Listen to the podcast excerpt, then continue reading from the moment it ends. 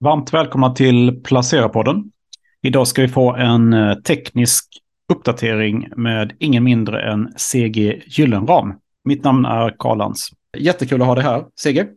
Tack detsamma. Men vad säger om, eh, när vi pratades vid sist så vet jag att du trodde att vi skulle fortsätta se, få se en stark börs. Och det har vi ju verkligen fått se med råge kan man säga. Ja, vad ska jag säga, nu frågar du ju på den absolut mest olämpliga dagen man kan tänka sig. Och det är inte så att jag retas eller oförskämd mot dig, utan det är ju att imorgon så börjar ju rapportperioden på allvar. Och då kommer alltså Ericsson och sedan så kommer Sandvik. Eh, sedan är det lite lugnt och sen så är från och med mitten av kommande vecka och sen ytterligare framförallt veckan därpå så kommer det ju rena tsunamin då av, eh, av rapporter. Och det är alltid så att oavsett vilken analysmetod du använder, om det är tekniskt, kvantitativt eller fundamentalt, så alltid när det kommer ny och framförallt om det då kommer oväntad information på bordet, du vet så har det ingen större betydelse då just hur en, hur en kursgraf eh, ser ut, utan allting kommer då styras av förväntningarna och det är svårt. Eh, jag tycker alltid det är väldigt svårt för en aktie kan vara väldigt nedpressad och så kommer det en rapport som fortsätter att falla och en aktie kan ha stigit väldigt kraftigt innan och så ändå så, vad heter, så går den vidare uppåt efter siffrorna. Och det är liksom att, ja, jag tror jag skriver i dagens brev att jag i, nu har jag varit 39 år i branschen och nästa år firar jag 40-årsjubileum. Mm. Länge. Och, ja, det är nog faktiskt. Och varje gång man tycker ju att jag borde, man borde ha vant sig, men varje gång så blir man nästan, fortfarande nästan lika perplex över hur stora bolag, och då har vi ju inte minst Ericsson imorgon som har en väldigt specifik historia, kunna röra sig. Det är kanske nästan ett storbolag som har en tendens att kunna röra sig väldigt kraftigt. Det är ju inget ovanligt med Ericsson att att den kan röra sig plus minus 10 procent och sen under dagen när rapporterna kommer. För först kommer siffrorna på morgonen. Eh, om de kommer tidigt så hinner ju också då marknaden ta ställning och då om, ja, så öppnar kursen då kanske kan den öppna momentant upp och ner och sedan då så kommer en presskonferens och sedan då så ska ju analytikerna skriva ihop sina och sedan sina, eh, sina, sin syn på det hela och sedan ska man presentera prognoser. Så det, kommer, det är ju flera led som kommer. Det innebär att att eh, kurserna kan ju hoppa uppåt väldigt mycket, mycket beroende på vad ledningen eh, säger. Så det, kommer, det enda kan man vara säker på det är att det kommer inte vara en tråkig period de kommande 14 dagarna, men den, den här typen av perioder är genuint svårprognostiserade. Så det måste man vara medveten om. Och jag dristar mig nästan i dagens säga att det är på gränsen till tjänstefel, och, vilket det naturligtvis inte är. Men, att, men, men man, man måste inför de här lägena så måste man vara ödmjuk. Och sen samtidigt så är detta korrelerat. Den amerikanska rapportperioden har ju viss mån redan kommit igång med de, de tunga eh, bjässarna, de bankerna, big five.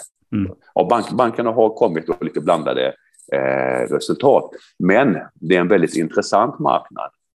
Så om du vill så kan vi backa tillbaka så kan vi se lite grann kanske på de stora dragen mm, på marknaden. Ja, och då är det, det, är som alltid är väldigt intressant och inför årsskiftet här. Eh, jag vet nog att när vi, när vi pratades vid, okej, okay, då hade vi lite, lite styrka. Eh, och jag tror att vi hade en viss eh, positiv syn. Jag tror jag sa att jag, jag, jag var nog lite osäker på hur det skulle gestalta sig för marknaden hade gått så snabbt upp från botten. Men sedan då under i december så blev vi mer försiktiga eh, till börsen.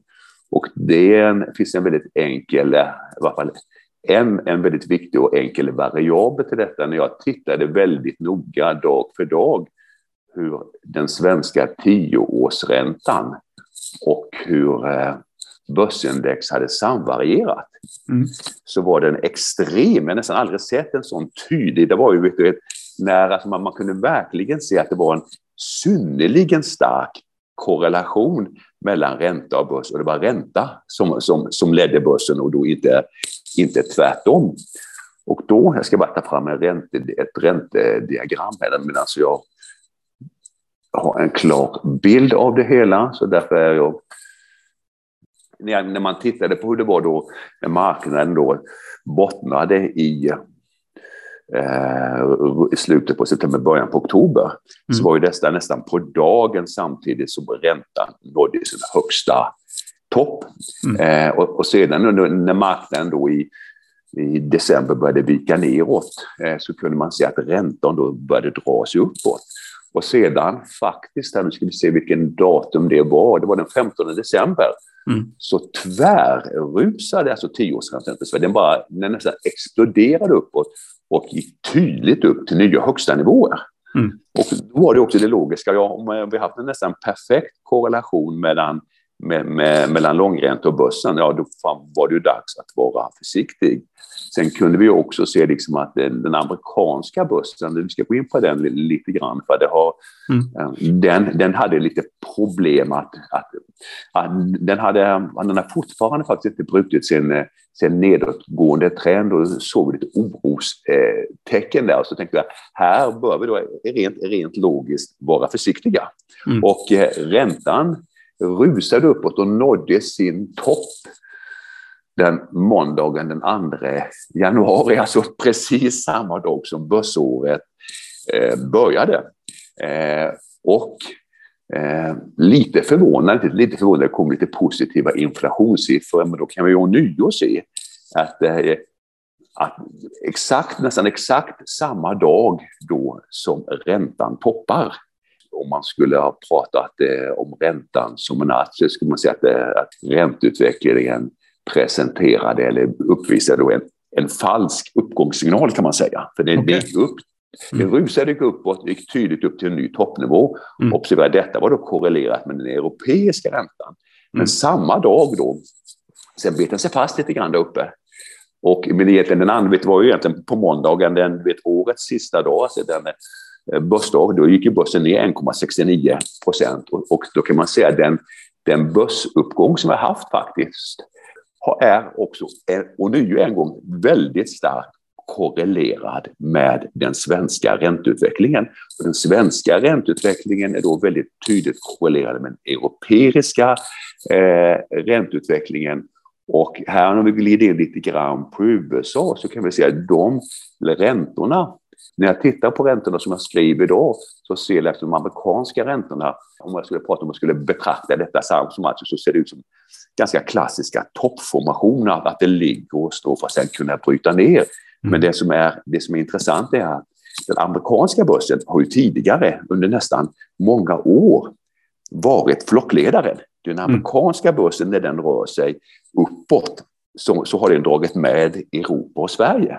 Mm. Men vet, nu kan vi konstatera, om vi tittar på det, jag tittar väldigt mycket när jag analyserar marknaden, så tycker jag samband har en tendens att förändras under tid, men ett samband som har varit väldigt starkt väldigt länge, det är att, att det, USA står ju för ungefär två tredjedelar av de samlade börsvärdena och de fem stora techbolagen, Big Five i USA, står ju för 25 procent av, av, eh, av USAs samlade värde. Så det är inte undra på att USA har en så stor påverkan. Men det jag anser, eller det rättare sagt inte anser, man kan bara konstatera detta, det är ju att nu har Sverige, eh, i varje fall om du kollar på OMXS30, och i princip även en släp, släpare, även om den har haft en, eh, varit mer uttryck, om vi kollar på den breda svenska marknaden. Dels bildat en bottenformation. Eh, och det här, om jag skulle beskriva detta ord så skulle det bli lite svårt. Eh, svårt att visa, men utifrån hur jag betraktar marknaden så har marknaden bildat en bottenformation, en klassisk sådan.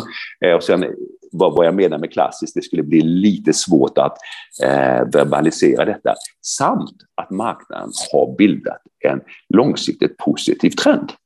Okay. Och detta kan vi se, om du skulle se på Tyskland och Europa som helhet, alltså om vi kollar på Spanien, Italien, Frankrike, eh, så märker man att det är liknande. Och och det är ju ganska, du vet, detta är något eh, påtagligt ovanligt att nu trendar, Nu får vi se, det är nu rapportsäsong i hela Europa, men nu trendar Europa uppåt medan varken Nasdaq Ja, det är Dow Jones som klarar sig lite bättre, men, men om du tar, om du tar S&P 500 som är den breda marknaden, om du tar Nasdaq eh, som är lite mer teknologibolag, om du tar Russell 2000 som är småbolagen, så, de, så ligger de, alltså de, de, de försöker, USA försökte ju i, så sent som igår, S&P 500, bryta sin nedåtgående trend. Så det är Europa som leder den här börsutvecklingen. Mm, Varför det detta? Precis, ja, ja mm. och det är därför att värderingsgapet värderingsgapet mellan amerikanska och europeiska aktier nådde då här då under ja, senhösten, början på vintern historiska nivåer. Mm.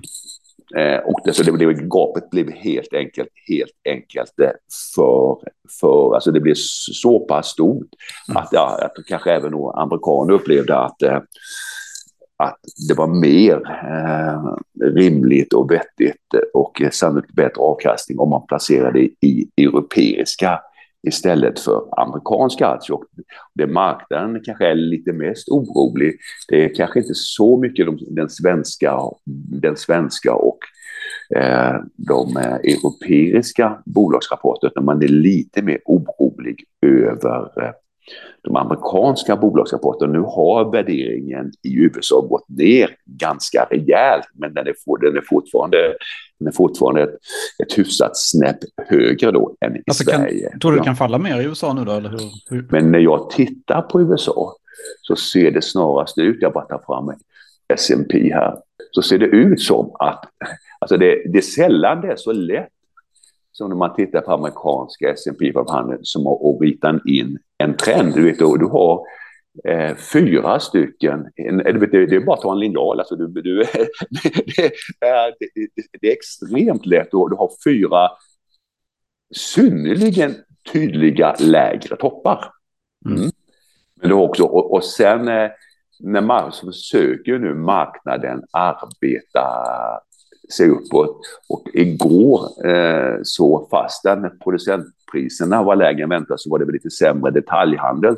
Mm. Så backade marknaden ganska ordentligt. Men som jag, när jag tittar på detta, så ser det ut som marknaden försöker eh, bryta sin nedgående trend, men den befinner sig också i en nivå där det finns eh, mycket latent utbud. Och det här är ingen teknisk term, utan det är liksom att vet, om marknaden har hamnat på en högre nivå, faller och sen när kurserna kommer upp och den kommer till en nivå där många människor tidigare har köpt och sedan förlorat pengar när kurserna mm. gick ner, så har vi människor har en väldigt stark aversion mot att sälja med förlust. Mm. Det där kan vi gärna prata mer om någon gång, men den här väldigt stark som gäller gör då att eh, man begår eh, felaktiga eller mentala misstag eh, på börsen. Och då blir det alltid när marknaden går upp och testar av sådana här nivåer så brukar det vara det för när människor då kanske ja, antingen kan sälja med väldigt små förluster eller få tillbaka sina pengar och det samtidigt finns en hel del eh, nervositet i marknaden så brukar sådana nivåer vara svåra att passera. Men skulle nu USA här Eh, Eh, så att USA-marknaden USA bara fullständigt inpå. Det, det krävs ett antal procent för att den skulle börja se farlig ut igen. Men om marknaden skulle ligga till sig och bryta uppåt, ja då skulle det ju kunna ge också en vitamininjektion. Så att det här är lite, och det frågan, du vet, marknaden börjar ändra fokus nu, eller har redan ändrat fokus. Man börjar bli lite mindre fokuserad på inflationen. Och nu är ju fokus då de vinstprognoser som, som ligger, om man tittar på de svenska OMX 30-bolagen, mm. då räknar man med i genomsnitt, det skiftar så pass mycket, men man räknar med en jämfört med då kvartal tre ska man säga, en vinstuppgång med ungefär 8 procent. Mm. Eh, samtidigt också att utdelningarna ska nå en rekordvolym på 250 miljarder kronor. Att rapportperioden skulle kunna överraska positivt samtidigt som man USA visar lite stök. Observera, det, det, det, är två om detta, eh, så det, det, det är ingen prognos. Ja, då, är, då kan det, skulle det mycket väl kunna vara så att den uppgången vi har sett i Sverige och Europa hittills är är första delen av en större uppgång. Men att peka med hela handen och hävda detta med en fas, det är lite för eh, tidigt. Men däremot det som är väldigt viktigt, det är att i Europa och Sverige har lagt sig i tydligt långsiktiga positiva börstrender. Räntorna, räntorna i både Europa, Sverige och USA ser ut att ha toppat. Men däremot har marknaden inte grepp om hur, är, hur, stor, hur stor är risken för lågkonjunktur, recession. recession och vinstutvecklingen? Marknaden måste få grepp om vinstutvecklingen.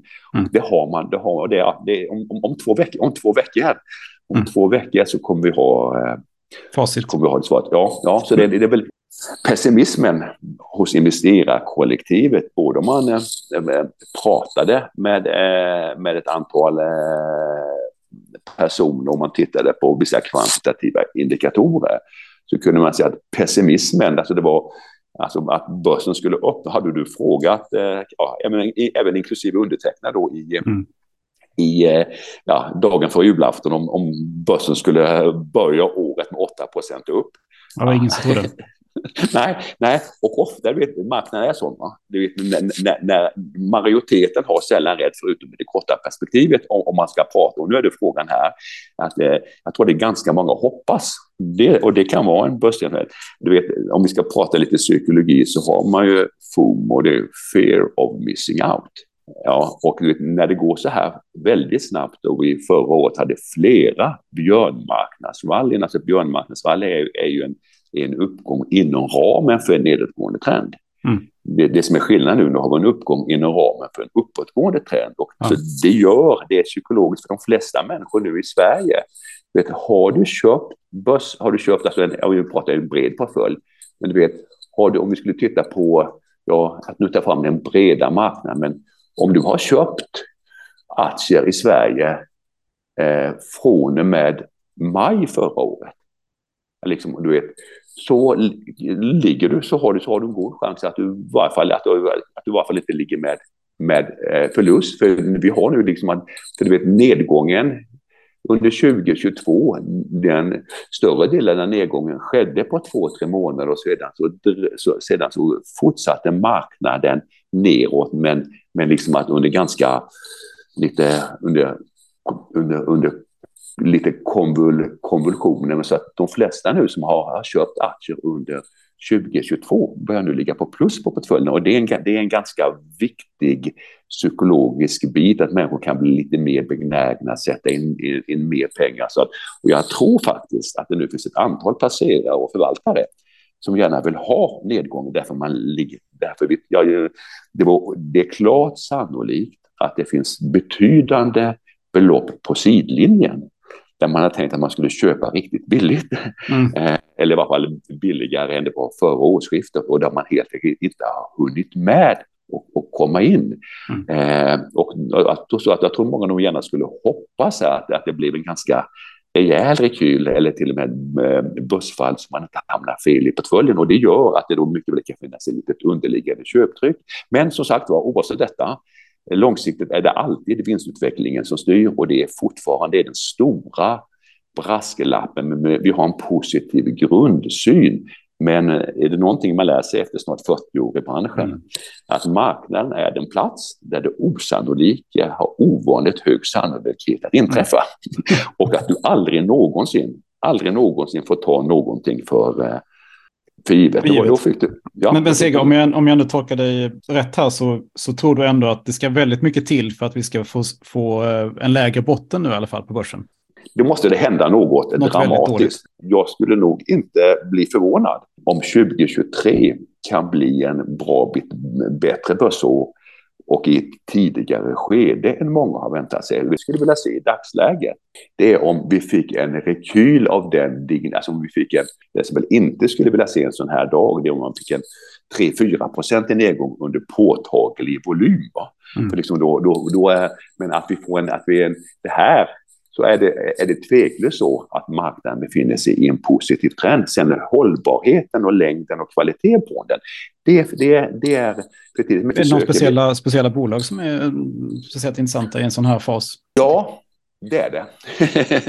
Nej, men, det beror på lite vad du, vad, vad, vad, vad, du är, vad du är ute efter. Men om man, man tittar på fastighetsbolagen så är de ju, det, det finns det ju blandat. Man kan se liksom att idag fick du bland annat Castellum, en storbank höjde ju riktkursen här på Castellum med Castellum ligger idag, den går ju knappt ner, är minus 0,51, men den ligger 145. En storbank höjde ju riktkursen med 40 kronor eh, mm, från, från dagens, ja, medan de samtidigt sa att eh, SBB skulle gå ner, men man märker en mer positiv syn på fastighetsbolagen. Men liksom man, man, man tittar, Carnegie släppte en, en väldigt genomarbetad eh, av branschen eh, här. här och, det, och det var typiskt för att räntan då? Eller? Ja, jo, jo, jo man, man kan kalla för kvalitativa tillväxtbolag. Evolution har ju kommit tillbaka väldigt bra. Mm. Två tydliga analyser igår, kanske den har rusat. Men om du tar förra årets absoluta vinnare, det kan finnas någon, men om lite bör så är det ju Hexatronic.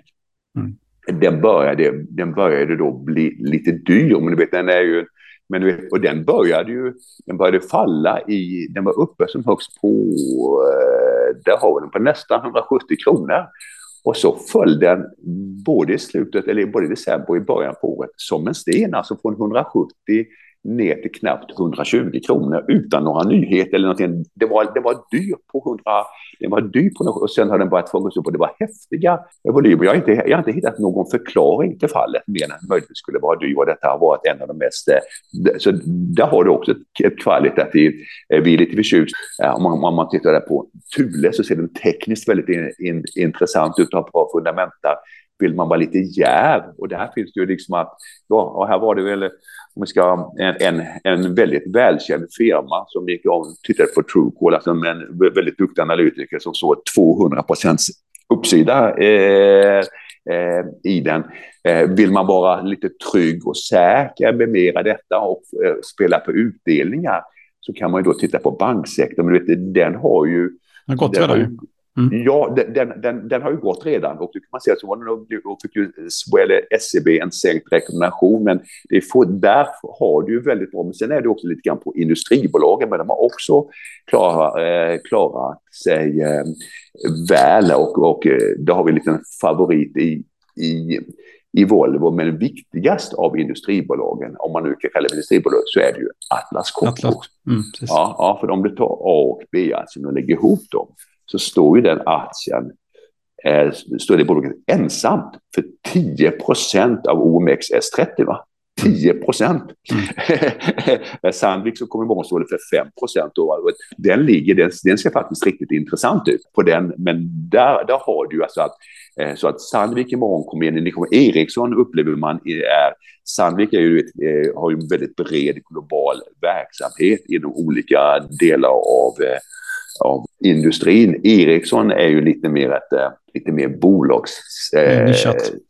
Ja, mer nischat. Så, att, så kan man också märka en bransch som var utdömd också li, li, lite grann här. Så kan man se på byggen. Man kan se Skanska har plockat order efter order i eh, USA. Så vi försöker ha en portfölj där man har dels man stabila kvalitetsbolag, eh, gärna eh, några kvalitativa fastighetsbolag och gärna några kvalitativa tillväxtbolag.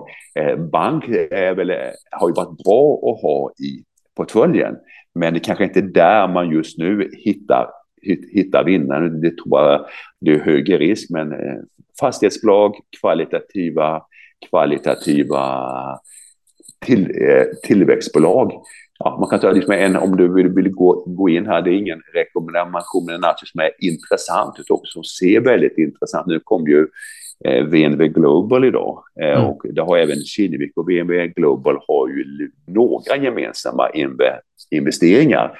Men du vet Kinnevik, om vi skulle titta på den de har gått, båda gått väldigt svagt då, förra året. Mm. Ja, ja, ja. Och, och Kinnevik, den, den, den, den var uppe på 400 och du kan köpa den för 159 kronor. Beroende på hur du värderar de onoterade innehaven så har du en ganska häftig rabatt där. Va? Mm. Och, du har ju, och eh, och BMW Global är ju, är ju ett spännande bolag, men Kinnevik har ju, har ju trots allt Tele2 i, eh, i, i botten och få in ett, ett löpande, löpande kassamedel. Så då också, om man, om man väl då vill krydda portföljen. tvåprognostiserad period och det, det, det är det alltid inför, inför eh, eh rapportperioder.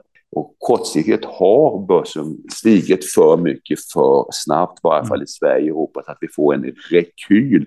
Är inget men blir rekylen måttlig, någorlunda återhållsam. Hur mycket är måttlig rekyl här då?